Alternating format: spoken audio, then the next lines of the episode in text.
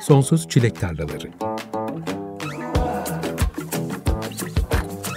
Güncel sahneden söyleşiler. Hazırlayan ve sunan Tuğçe Yapıcı.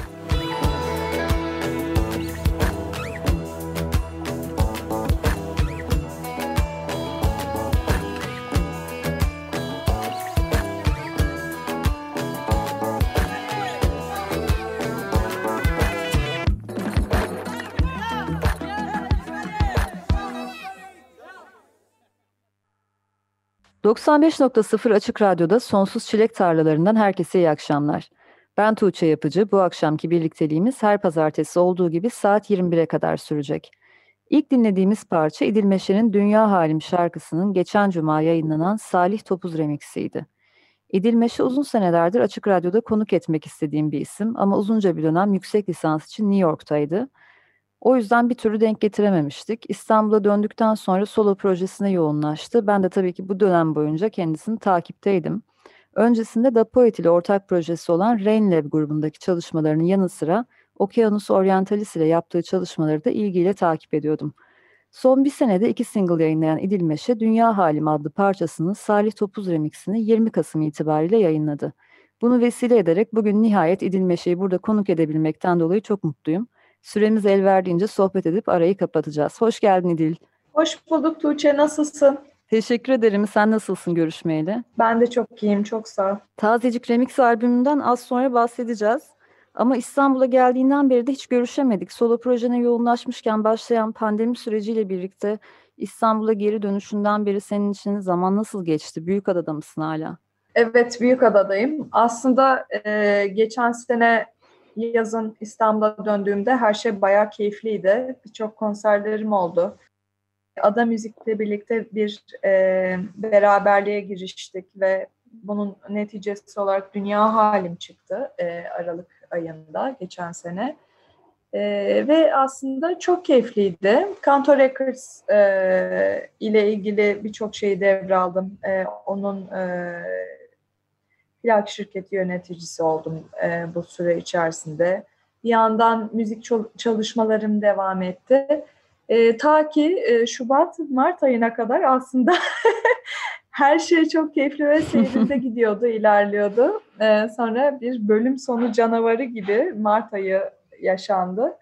Tabii e, planladığımız bir sürü konserler e, iptal oldu. Birçok gerçekleştirmek istediğimiz e, projelere el atamadık. E, yani işte bir New York'ta bir konserim vardı, iple çektim.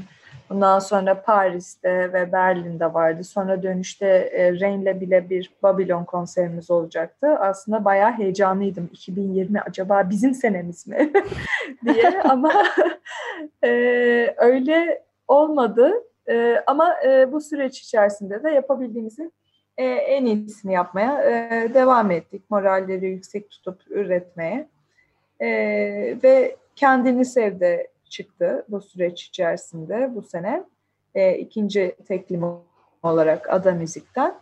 E, bir yandan da e, Kış Uykusu çıktı. Mart'ta Rain'le bir de. E, Mart'ta mı çıkmıştı? Artık her şey birbirine. Nisan diye hatırlıyorum. Şimdi dersini yeni çalıştığım evet. için ben daha iyi biliyor olabilirim senden. o zaman evet gerçekten daha iyi olabilirsin. Biraz zamanlar her şey karışıyor gibi. Zaman algımız da biraz herhalde de, bozuldu. evet benim Mehmet Aslan'la bir şarkımda öyle bir söz var. Zamanı kır ve bük, yap ve boz. Zamanı durdur, yap ve boz diye. Gerçekten zamanı yapıp bozdum bir sene oldu 2020. Sen normal şartlarda çok fazla seyahat ediyorsun. Bu sene herhalde en fazla İstanbul'da kaldığın sene olabilir. Gerçekten öyle. Bir yandan benim için çok hoş bir şey. Ee, uçakta olmak e, çok yorucu. Ee, sürekli e, iklim ve saat dilimi değiştirmek de çok yorucu. Ee, onun için Büyükada'da erkek arkadaşımla, köpeğimle, kedimle e, vakit geçirebilmiş olmam, ailemle zaman geçirebilmiş olmam bunlar benim için tabii ki çok değerli şeyler oldu.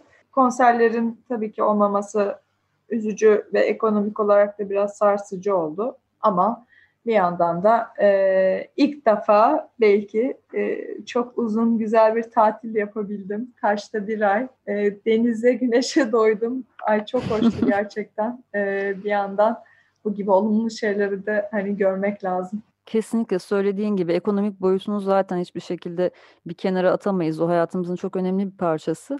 Ama ben de iyi yanını arıyorsam bulmaya çalışıyorum. Çünkü bulabiliyorum da. Hiçbir şekilde bu kadar uzun zaman işte evde kalmak ya da e, üretmek için vakit ayırabildiğimiz bir dönem hayatımızda belki bir daha yaşayamayacağız. O anlamda biraz da lüks bir dönem olduğunu düşünüyorum.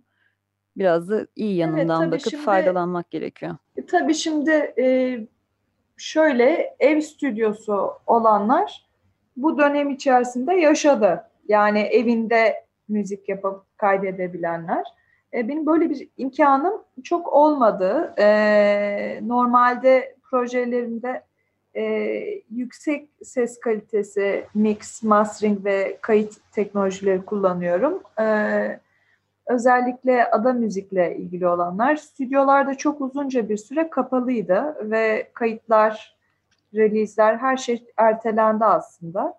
Onun için e, çok çok böyle kayıt yapabildiğim bir sene değildi. Daha çok şarkı yazmaya e, vakit ayırabildiğim bir zaman oldu benim için. E, teknik imkanlarım olmadığı için. E, ama e, mesela Ozan'la birlikte, Dapoet'le birlikte onun ev stüdyosunda ufak tefek şeyler tabii yaptık. Stüdyolar açık olsaydı eğer bu sene senden daha mı fazla kayıt duyacaktık? Aynen öyle olacaktı. Öyle planlar vardı ama işte suya düşen planlar. Evet. Pandemiyle birlikte evet. hepimizin hayatında bunlardan bolca var. Evet öyle gerçekten. Peki 20 Kasım'da henüz 3 gün önce yayınlanan bir Salih Topuz remixi var Dünya Halim parçasının. New York'tan döndükten sonra yayınladığın ilk single'dı Dünya Halim. Hatta New York dönüşünde yazdığım bir parça olduğunu biliyorum. Evet. Hangi hislerle yazmıştın ee, o zaman? Şöyle oldu. New York'ta ben çok zor iki sene geçirdim. Yani tabii ki çok keyifli de iki seneydi ama e, yani iki iş çalışmam gereken, iki ülkede konser verdiğim, sürekli Türkiye ve Amerika arasında seyahat ettiğim, e, tabii ki Fulbright bursuylaydım ama e, New York'ta yaşam e, standartları ve şey yani çok zor e, bir şekilde maddi olarak orada yaşamaya çalışmak. Yani beş kişi bir evde kalıyorduk. O kiram bin dolardı kişi başı. Yani ki şehrin ortasında şeyinde bile değildi. Onun için biraz e, zorlu iki seneydi. E, tabii ki ama birçok yeni şey deneyimlediğim, birçok yeni müziğe e, denk geldiğim, güzel kolaborasyonlar yaptığım, e, müzik açısından, kültür açısından da çok zengin iki seneydi. E, aslında geri döndüğümde Türkiye'ye bu yaşadığım şeyleri anlamam, özümsemem biraz sürdü.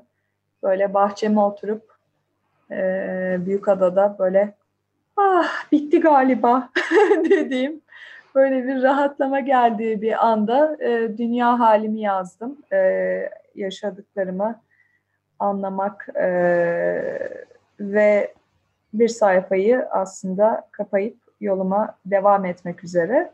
E, bana çok güzel geldi bu şarkı. E, iyi hisler hissettim. E, umarım insanlar da e, hayatlarında zor dönemlerde ya da yeniliklerin geldiği dönemlerde e, kendilerine açacakları bir sayfa gibi e, dünya halimi dinleyip mutlu olmuşlardır.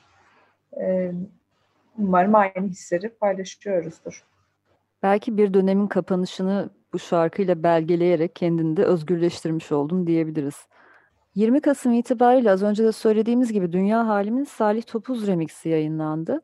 Ama bu aslında bir remix EP'sine evrilecek bildiğim kadarıyla. Birkaç tane daha farklı prodüktörden remixler gelecek. Dünya Halime bir remix albümü yapmak senin fikrin miydi yoksa ilk önce prodüktörlerden birinin parçayı remixlemesiyle mi bu albümün temelleri atıldı? Bu remix EP'si e, benim fikrimde. E, çünkü senelerdir elektronik müzik e, kolaborasyonlarıyla bir sürü e, müzikler yayınladım. E, ve dünya haliminde böyle güzel bir yere evrilebileceğini düşündüm. E, ilk arkadaşım Salih Topuz bana ulaştı. E, ondan sonra Anatolian Sessions'da e, e, ilgilendiğini söyledi. E, bu şekilde ufak ufak sohbetler şeklinde e, başladı. Bu EP'de e, e, Kanto Records'tan e, Neta'nın, Anatolian Sessions'ın, e, Salih Topuz'un, e, bir de Amerika'dan arkadaşlarım Gio İsrail ve Hadas Klayman'ın e, duo projesi The Couple'ın e, remixleri olacak. Hepsi ayrı ayrı tarzlarda. E, hepsi de e, kendi stilini gösterdiği, yani gerçekten şarkıya bambaşka bir e, bakış açısıyla e, baktıkları versiyonlar paylaşıyor olacaklar. Onun için çok heyecanlıyım. E, bir yandan da e, bu kadar akustik düzenlemeli yalın bir şarkıyı e, farklı stillerde görmek de benim için heyecan verici. Peki arayı fazla açmadan herhalde diğer remixleri de yakın zamanda duyacağız. Evet, e, sırasıyla e, remixler gelecek. Umarım e, hepsi 2020 içerisinde e, çıkmış olacaklar. E, bir aksilik olmazsa her zaman bir aksilik payı bırakıyoruz bu sene.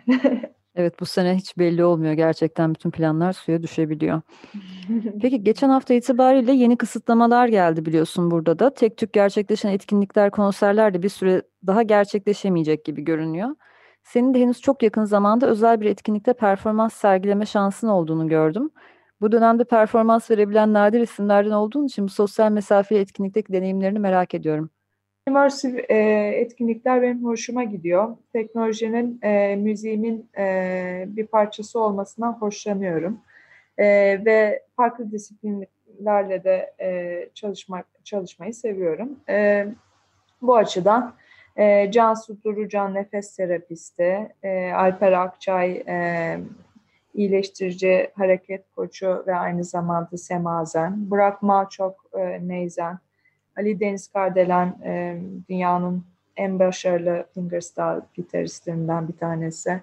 E, ben e, bir araya geldik e, ve 200 kişilik bir alanda 15 kişi, 15 katılımcıyla bir etkinlik yaptık. E, çok keyifli oldu. Birbirimize iyi geldik bu etkinlikte. Artık ellerimizle dokunamıyoruz birbirimize ama bir şekilde birbirimizin birbirimize değmeden birbirimizin canına değdiğimiz yani gönlüne ulaştığımız bir etkinlik oldu gerçekten. Müzik, nefes, kakao, hareket yani birçok disiplinin bir araya geldiği bir etkinlik oldu. Evet yani bu tip küçük butik etkinliklerin olması daha olası geliyor. Artık bu eski büyük konserler, büyük etkinlikler sanırım daha insan odaklı, daha birebir olduğumuz ve daha az insanla olan etkinliklere dönüşecek gibi gözüküyor. Bizimki gayet keyifli, başarılı bir etkinlikti. Herkes çok keyif aldı. Herkesin sağlığı da yerinde. Evet etkinliğin başlığı cana değmek yeni ay çemberiydi yanılmıyorsam değil mi? Evet, evet. Ben anlamamıştım anlamını. Şimdi sen anlatınca Hı-hı. daha çok anlam kazandı benim evet, için de. Daha çok bir e, iyileşme çemberi gibiydi. Yeni ay dolunayın yeni ay evresinde gerçekleştirdiğimiz. E, çok keyifli oldu. Peki öyleyse şimdi İdil Meşe'den az önce bahsettiğimiz parçalardan birini dinleyeceğiz. Kendini Sev, senin bu sene yayınladığın solo projenle Ada Müzik'le çalışmaya başladıktan sonra yayınladığın ikinci single. Bu parça üzerine konuşacak çok şeyimiz var. Hem parça hem klibi üzerine. Dilersen şarkıyı dinleyelim ardından sohbetimize kaldığımız yerden devam edelim. 95.0 Açık Radyo'da Sonsuz Çilek Tarlaları programındasınız. Ben Tuğçe. Bugünkü konuğum İdil Meşe'den Kendini Sev adlı parçayı dinledik. Öz sevgi teması üzerine odaklanan bir parça yazmaya seni iten şey neydi? Dilersen oradan bir başlayalım. Sonra parçanın klibine dair de sorularım olacak sana. Öz sevgi hakkında bir şarkı yazmak. Yani ne kadar evet e, güzel ifade ettin. E, çok birbirimize e, birbirimizle e, haşır neşir olduğumuz e, sosyal medya sebebiyle de aslında hep kendimizi başkalarıyla karşılaştırdığımız bir dönemdeyiz e, son birkaç senedir ve e, bazen bu e, karmaşa içerisinde e, ve modern çağın iteklemeleri arasında e, kendimize olan e, değeri, e, gösterdiğimiz sevgiyi, e, verdiğimiz değeri anlamakta güçlük çekebiliyoruz. Ee, insan ilişkilerinde de böyle birbirimizle olan ilişkilerde de böyle. Bazen e, öz sevgi eksikliğinden dolayı e, karşımızdaki ne hırpalayabiliyoruz. Birbirimize iyi gelmeyebiliyoruz. Bu şarkıda aslında buraya değinen bir şarkı. Zaten kendimi yaralamaktan ve aşağılamaktan bitap düştüm şeklinde başlıyor sözleri. Ee, Birçok kişinin de bu hisleri hissettiğini düşünüyorum. En azından geri dönüşler de bu şekilde oldu. Ee, bir yandan daha az zararlı, ölçekli sonuçları da olabiliyor öz sevgi eksikliğinin e, ve daha şiddet içeren boyutları da olabiliyor. Kendimizi göstermediğimiz sevgiyi başkasından şiddetle istemek ve talep etmek e, gibi e, ilişkilerde birbirimize zarar verdiğimiz anlar olabiliyor. E, bunun hakkında bir şarkı hem bedenimize hem kişiliğimize, kendimize göstermemiz gereken sevgi hakkında. Klipte de bu şarkının öz sevgi temasıyla bütünleşen bir görsel dünya kurmayı başarmışsınız. Gerçekten çok etkileyici bir klip olduğunu düşünüyorum. Çok sanatsal. E, klibin bize bir de sürprizi var. Hem Gülünler olarak hem de Büyük Ev Ablukada'dan tanıdığımız Gülün Kılıçay doğanın iyileştirici gücünden ilham alarak senin bedenini çiçeklerle kaplayıp boyuyor. Bedenin üzerine resim yapıyor aslında. Ve sen renklendikçe oluşan görsel şarkıyla tamamen bütünleşiyor. Bu anlamda çok çok etkileyici buluyorum. Gül'ün ile böyle bir çalışma yapma fikri Gül'ün resimlerinden etkilenerek mi doğdu? Evet, e, pandemi sırasında e, Gül'ünün farklı bir yönünü e, keşfettim. Aslında biz 8 Mart'ta Soho House'da güzel bir etkinlik gerçekleştirdik Gül'ünle birlikte. E, Gül'ünler ve Güneş Özgeç'le. E, ben uzun süredir New York'tayken de Gül'ünlerin müziğini çok beğenerek e, dinliyordum ve her zaman birlikte çalışmak istediğim bir e, kişiydi. E, ancak e, bu şekilde olacağı e, hiç aklıma gelmezdi. Benim aklıma böyle bir fikir geldi. İşte daha doğa anaya dönüştüğüm, böyle bitkilerle kaplandığım bir bitki kadına dönüştüğüm bir e, hayal, bir klip e, gibi bir fikrim vardı bu şarkı için. E, Gülünlerle sohbet ederken bunun nasıl olabileceği üzerine konuştuk ve dedim ki beni boyar mısın? e, o da boy, boyarım dedi e, ve e, o da kendi fikirlerini, koreografilerine getirdi klibe. E, mesela yara bantlarıyla çiçekler e, yapıştırması üstüme beni sanki ta, doğayla tamir etmesi gibi böyle çok güzel sembolizmi olan e, bir e, eser oluştu. E, birbirimizi anlayarak çok rahat çalıştık. Çok keyif aldık birlikte çalışmaktan. Ee, Irmak Altıner'in bize o harika evini açması çok hoş oldu gerçekten. Ee, tabii ki bir önceki klibimi çeken Caner Çetiner de bu klibimde bana destek oldu. Ee, bir yandan boyaları, çiçekleri nasıl alacağız, bu iş nasıl olacak çok pahalı çünkü video prodüksiyonları.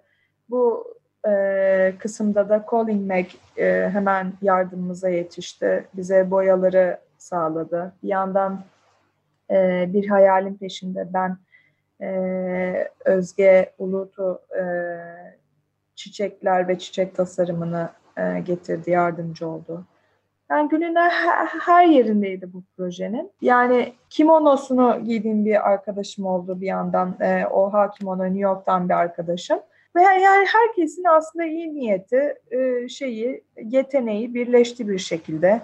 E, Gül'ün makyajımdan tırnağıma kadar her şeyi yaptı. Yani gerçekten süper kahraman gibiydi. İnanılmaz bir şekilde çok kısa süre içerisinde ortaya çıktı bu klip. Yani bir günde çektik ve çok içimize de sinen bir şey oldu. Gerçekten çok fazla insanın değdiği dev bir prodüksiyon olmuş böyle bakınca. Evet, evet. Çünkü bir sürü insan saydın. Oldu. Evet, Gülin'le de bu arada ne kadar uyum içinde, ne kadar kolay çalıştığınızı anlattım. Bu ortaya çıkan işe de fazlasıyla yansımış bence. Umarım sizden başka ortak projeler de görürüz ileride. Belki bir şarkı olur, belki başka bir şey olur. Siz ne isterseniz o olur bilmiyorum ama Gerçekten sanki Gülinler... bu birlikteliğin bir devamı gelir gibi. Gülünay o kadar e, çok yetenekli bir insan ki yani sanat güneşi gibi gerçekten böyle bir Gerçekten çok, öyle. E, Birçok alanda yeteneği var. Onun için e, her şey çıkabilir. Yani müzik müzik bile olmak zorunda değil. Her şey olabilir. E, büyük hayranlıkla onun işlerini de her alanda takip ediyorum. Yine parçanın düzenlemesinde Büyük Ev Ablukada'dan tanıdığımız Cem, Cem Yılmazer ve Başar Yurtçu da var. Ceren Çakar'ın haricinde. Üç kişi var düzenlemede evet. ismini gördüğümüz künyede. Yani Büyük Ev Ablukada'nın çok etkili olduğu bir parça olmuş. evet, Prodüksiyon bir, sürecinde hem klibinde. bir küçük ev oldu gerçekten. yani e, sahiden çok destek oldular. Cem Bir'in gerçekten dahiyane düzenlemeleri yani benim sesimden yaptığı drum sample'ları falan böyle yani çok gerçekten e, değişik bir e, düzenleme oldu. E, Başar'ın gerek e, çaldığı e, synthler, tasarımlar vesaire e, Ceren'in e, gösterdiği özen, mix, cello kayıtları, e, Zeynep Ayşe Hatipoğlu'nun çaldığı o muhteşem cello kayıtlarının düzenlenmesi vesaire. Yani ben aslında müziğimde ve projelerimde çok insanı dahil etmekten hoşlanıyorum doğrusu. Ee, yani her şeyi ben yapayım, ben olsun gibi bir kaygım yok. Yani böyle bir egoyu şeyi geç yani pratik olarak da her görevin e, yani başarılı olan insanlara bu alanlarda dağılması benim için önemli. Ve ortaya bir ürün çıkıyorsa, bir şey kazanılıyorsa maddi manevi bunun daha fazla insan arasında paylaşılması benim müziğe bakış açımı da yani uyuşan bir şey. Ee, sanata, hayata bakış açımda. Yani hiçbir şeyi tamamen ben üstlenmek istemem hayatta. Her zaman destekle birbirimizde alıp vererek ilerlesin isterim. Kanto da öyle yani Kanto Records da öyle bu açıdan. Yani benim bu şarkının klibi ve prodüksiyonu da bu şekilde oldu. Buna da Ada Müziğin bana inanıp hiçbir şeyime karışmadan destek olması, e, Bülent Fortan'ın yani bu konudaki vizyonerliğini aslında bir yandan gösteren bir şey. E, o açıdan da çok şanslıyım. Evet gerçekten bağımsız bir sanatçı olarak duruşunu korumana izin veren bir plak şirketinde olduğunu söyleyebiliriz değil mi? Evet, evet gerçekten öyle. Zaten şarkı çok da iyi yorumlar aldı. YouTube'da pek güzel yorumlar gördüm. Mesela bu şarkı 5 sene sonra böyle şarkılar çok ünlü olacak ya da dünya standartlarında bir şarkı olmuş gibi yorumlar vardı. Ama maalesef e, eleştiri bile diyemeyeceğimiz kadar saçma sapan yorumlar da gördük. Şarkının beden olumlama ve öz sevgi mesajına rağmen klip YouTube'a yüklendikten sonra sana bir takım olumsuz tepkiler yağdığına dair bir paylaşım yapmıştın Instagram'da. Nasıl yorumlar geldi ve bunlar sana ne hissettirdi? Biraz bunları konuşalım isterim. E, doğrusu olumsuz tepki bile değildi. Yani saldırıydı aslında ilk başta olan şey. E, yani işte bence intihar etmelisin falan gibi yorumlar. İşte Instagram'a gelip mesajda taciz etmeler vesaire. Gerçekten çok acayip. Oraya çok kadar vardı işler yani. Evet, gerçekten inanılmaz bir durumdu. Çünkü biz bunu yaparken aslında ben hiç bu kadar böylesine kötü tepkiler ya da e, saldırgan şeyler olacağını hiç tahmin etmedim. Biz hep böyle çok iyi niyetlerle olumlu şeyler düşünerek yaptık ve sanatsal güzel bir çalışma oldu. Tabii ki bazı şeyler e, ulaşmayabilir e, bazı insanların kalbine ya da erken olabilir ya da anlaşılmayabilir, e, anlaşılması zor olabilir. Yani olabilir. Ama tabii ki eleştirinin de yani bir e, adabı usulü var. E, biraz o açıdan hayret ettim. İlk başta tabii ki üzüldüm e, bunları görmekte ama sonra destek ve iyi yorumlar da gecikmedi. E, bir yandan da normalde bu tip müziğe maruz kalmayacak insanların bu müziği duymuş olması ve e, olumsuz da olsa bir tepki vermiş olması aslında benim için onarı edici bir durumdu. E, sonuçta nerede maruz kalabilir? E, belki normalde böyle bir şey dinlemeyecektir insan.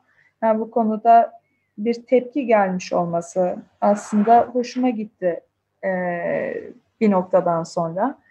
E, çünkü bazen kendi küçük dünyalarımızda kendimize benzer insanlarla birlikteyiz, o şekilde yaşıyoruz. O, onun için başka farklı bakış açılarına duymak, e, bunları anlamaya çalışmak. Yani her yorumu okudum gerçekten. E, yani cevap vermedim her yoruma ama her yorumu anlamak için tabii ki gayret gösterdim. E, bu benim sanatımı etkiler mi? Gelen eleştiriler ya da yorumlar. Doğrusu etkilemez. Çünkü e, ben e, referansı dinleyiciden almıyorum. E, kendimden ve birlikte üretmek istediğim insanlardan alıyorum. Yani bu bir sonraki şarkı da insanlar şöyle tepki verdi diye şöyle olsun gibi bir muhtemelen şeyim olmaz, kaygım olmaz. E, ama e, gelen tepkileri, e, eleştirileri, olumlu yorumları e, görmek e, benim için e, keyifliydi. Yani çok bir bize benzemeyen e, insanlarla birlikte yaşıyoruz ve benzemek de zorunda değiliz. E, yani önemli olan birbirimize karşı saygılı olmamız, e, birbirimizi anlama gayretinde olmamız. E, tek dileğim sonraki çıkacak şarkılarımda bu. Biraz şans tanınması ve sabırlı olunması bir şey dinlenirken. ilk 15 saniyede mesela böyle yorumlar, sadece 15 saniye dinledim sonra geçtim gibi yorumlar var. 15 e, saniyede neyi nasıl anlayacaksın? Biraz işte e, hem zihinsel, duygusal efor sarf edip bazen karşımızda anlamadığımızı itmek yerine onu anlamaya çalışmaya çalışabiliriz. yani 15 saniyede ne anlayabilirsin, ne hissedebilirsin? Bunlar çok tartışmalı konular. Ha, Tabii çok öznel bir beğeniden bahsediyorsak herkesin beğenme ya da beğenmeme evet, hakkı saklıdır tabii evet, ki. Ama bir evet. şarkı karşısında duyulan öfkeyi ben anlayamıyorum çok fazla.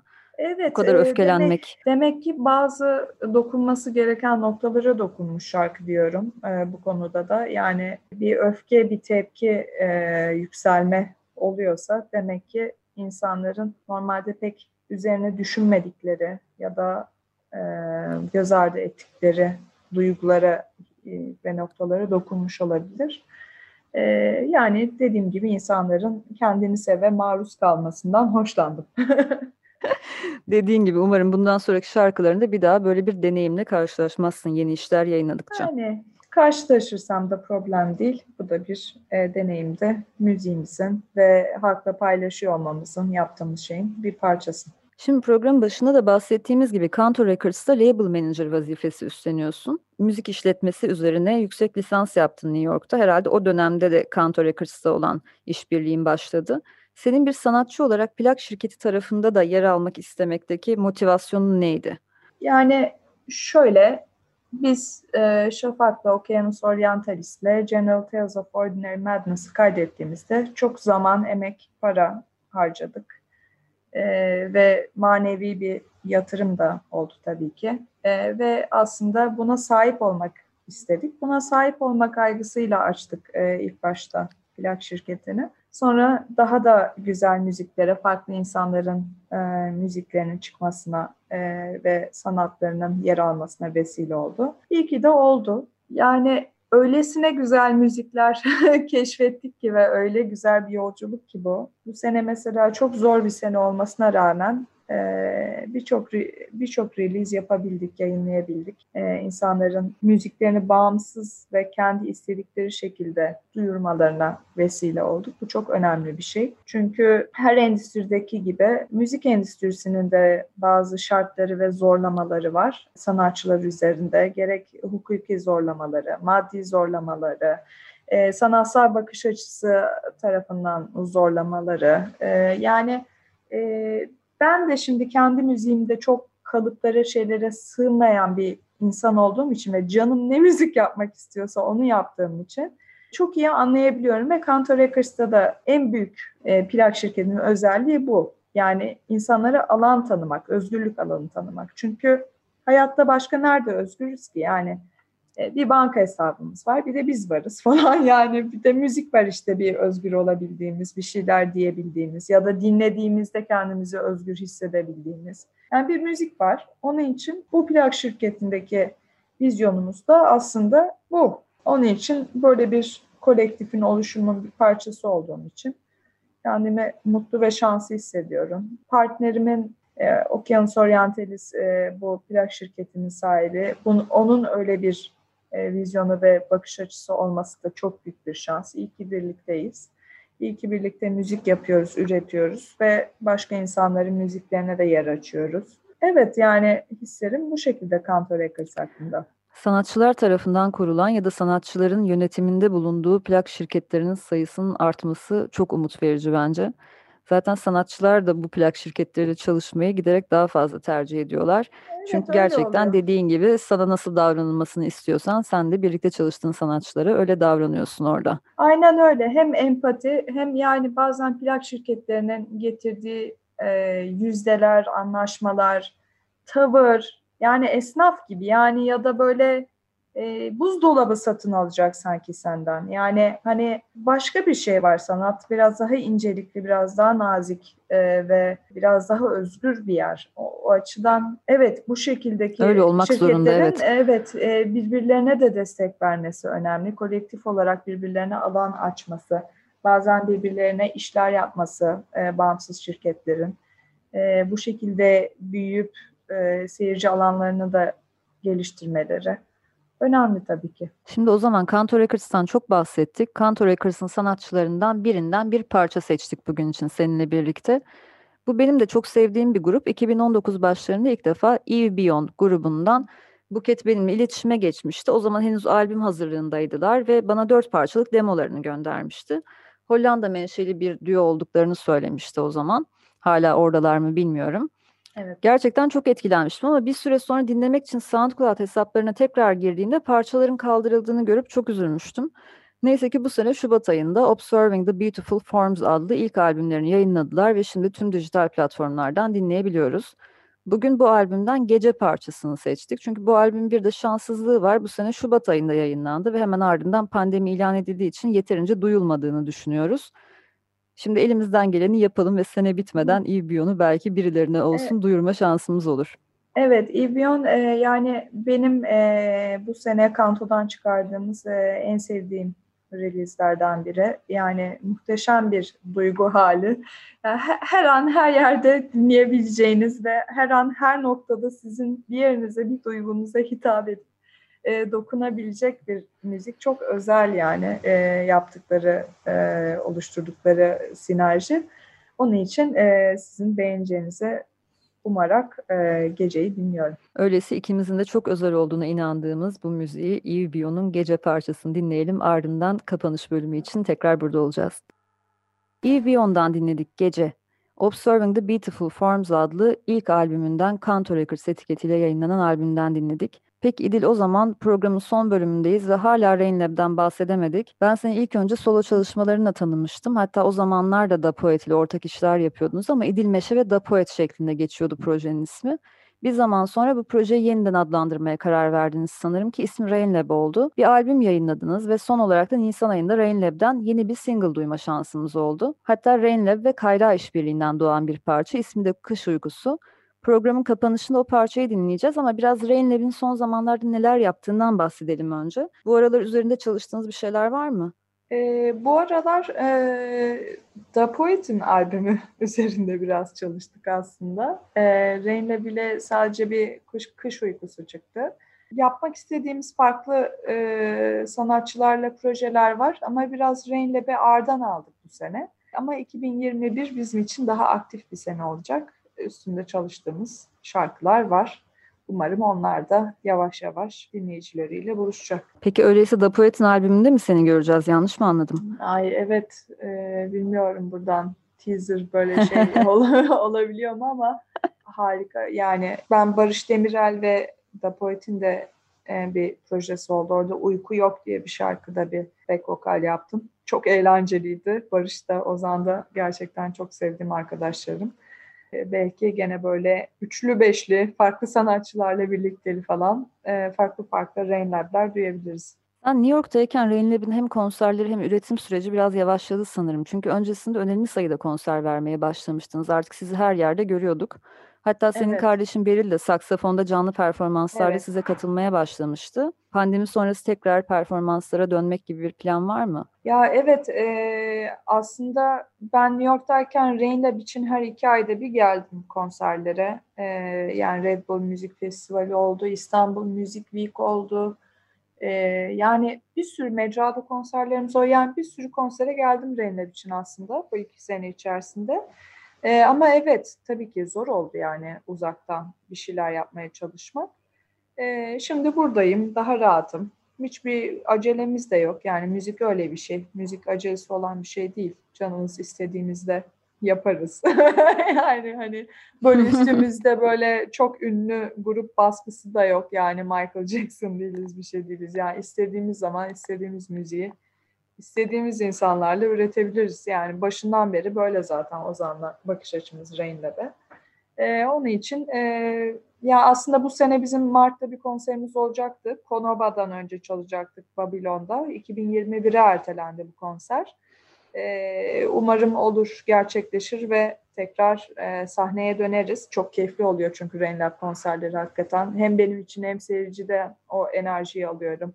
Gerek ışık şovları, gerek ses, e, Ozan'ın turntableizmi, gelen guest sanatçılar, işte Beril'in saksafonu, bazen Barış Demirel, Serhan Erkol'un girişi çıkışı.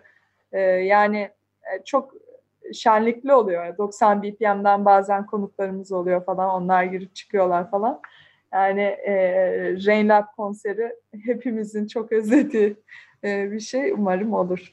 Evet ben de çok eğleniyordum Rain Lab konserlerinde. Umarım yine olur. Yine o şenlikli, hareketli sahneyi tekrar görebiliriz. Evet. Rain Lab anladığım kadarıyla biraz daha spontane ilerleyecek. Peki senin önümüzdeki sene için solo projen için ne gibi planların var? Ee, bir albüm e, planlıyorum Ada Müzik'ten. E, çıkmasını planladığım e, bir albüm var. E, onun üzerinde çalışıyorum şu an. 7-24 bayağı sağlam bir çalışma gerektiriyor. E, kafamdaki vizyona ve e, yapmak istediklerine uyuşabilmesi için. E, harika ekiplerle ilerliyorum her şarkıda. Yani her şarkı benim için farklı bir proje gibi. Genelde müziğimde de öyle. Bakalım harika bir şey olacak bence. E, onun dışında İngilizce şarkılarım için e, görüştüğüm bazı label'lar e, var, kişiler var.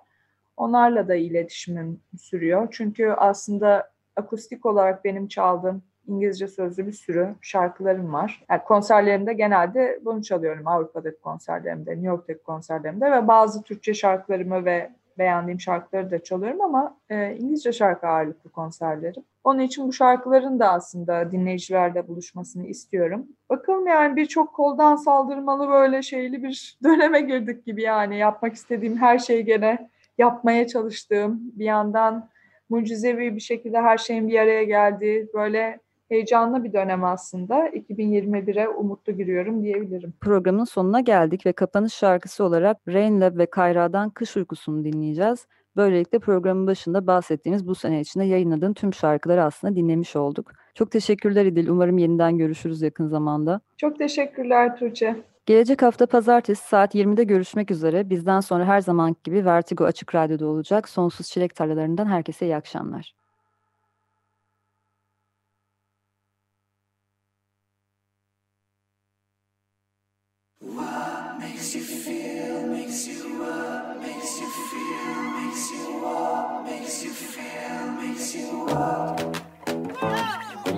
Sonsuz Çilek Tarlaları. Güncel sahneden söyleşiler. Hazırlayan ve sunan Tuğçe Yapıcı